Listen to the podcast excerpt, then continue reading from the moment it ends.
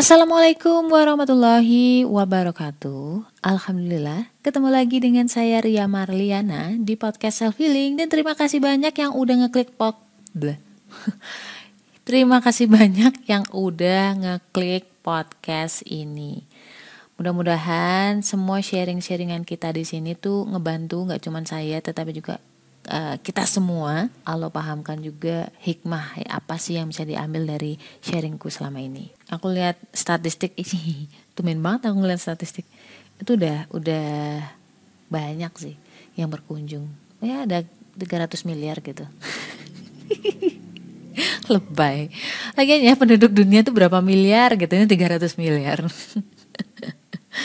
Oke, okay, sesuai dengan janjiku kemarin, kita akan ngomongin tentang fitnah, ber berdamai dengan fitnah. Di sini siapa sih tolong ngacung ya yang belum pernah difitnah atau atau kalian justru pemfitnah pemfitnah? Nuduh. yang bener aja, Mbak.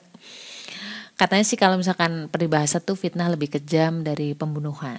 Sebenarnya sih iya sih. Memang efeknya itu nggak serta merta kelihatan kayak pembunuhan emang. Kalau pembunuhan kan kelihatan orangnya mati atau terluka gitu kan.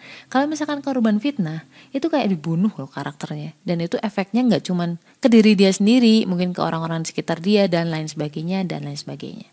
Banyak pokoknya dan lama efeknya mungkin eh, uh, 20 tahun lagi atau 30 tahun lagi. So that's why kejahatan ini sebenarnya kejahatan yang sistematis koleris produktif produsin apa sih?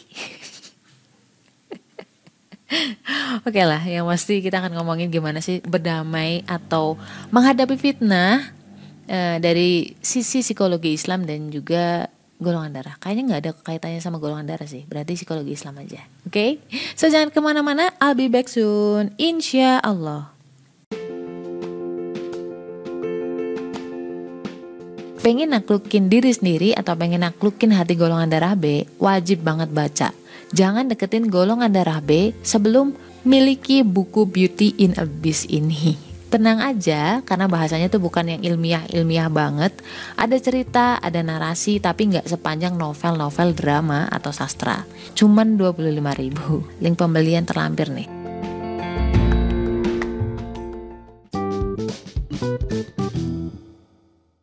Baik aja dengan Ria Marliana di sini di podcast self healing sobat kalian yang baru pertama kali datang, baru pertama kali berkunjung, baru pertama kali nemu atau ketemu saya di sini. Di sini kita bakal ngomongin tentang cara berdamai dengan psikologi Islam. Berdamai itu maksudnya dengan luka apa pun lah yang namanya manusia. Karena yang paling penting itu apa sih? Yang paling mahal itu apa sih guys?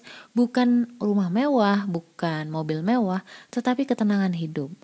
Tahu gak sih ketika orang-orang kaya itu pun nggak selalu happy loh orang-orang kaya itu kadang-kadang ya ada yang happy juga banyak zaman sekarang mah ya. Orang semua kayaknya udah kaya deh zaman sekarang.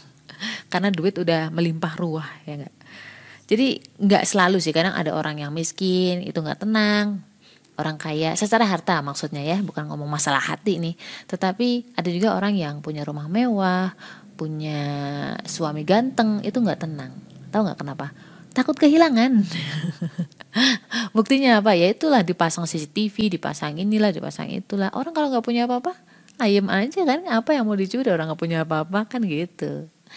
Ya itu salah satu jokes aja sih. Sebenarnya ketenangan itu nggak nggak dipengaruhi dari harta atau apa pun yang sifatnya keduniawian gitu loh you can buy stuff gitu. Kamu bisa beli barang, beli bisa beli tas branded dan lain sebagainya, tetapi kamu tidak bisa membeli kepuasan. Udah nggak?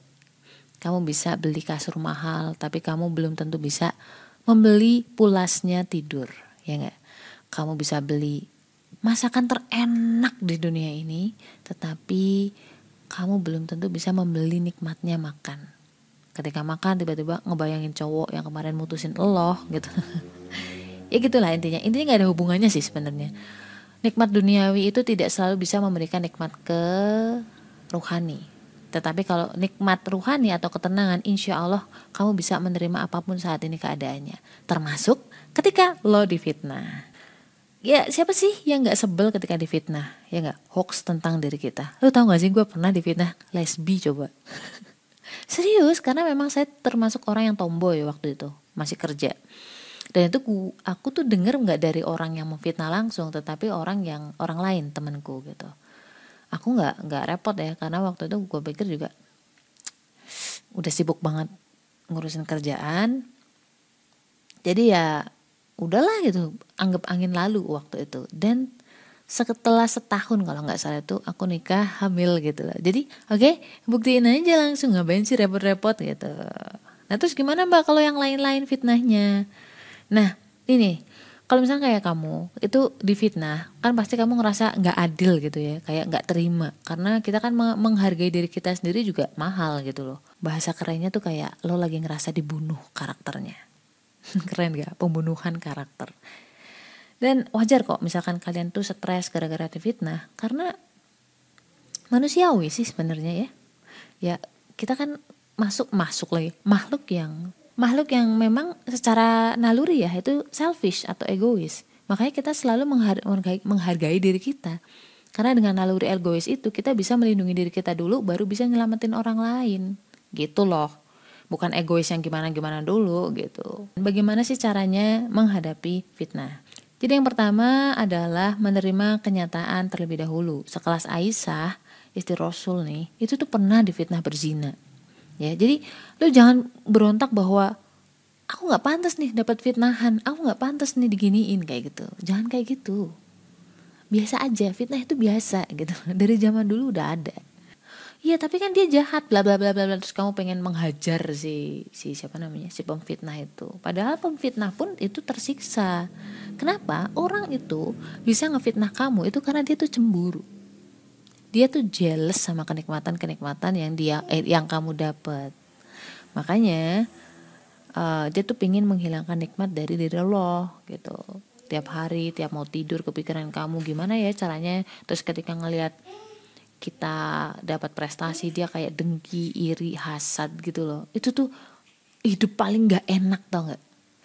Jadi hidup-hidup dia tapi fokusnya itu di kita gitu loh fokusnya di orang lain gitu maksudnya. Jadi kayak kita ngapain dia bingung kita ngapain gerak dikit dia frustasi lah gitu. Itu gak enak banget sumpah.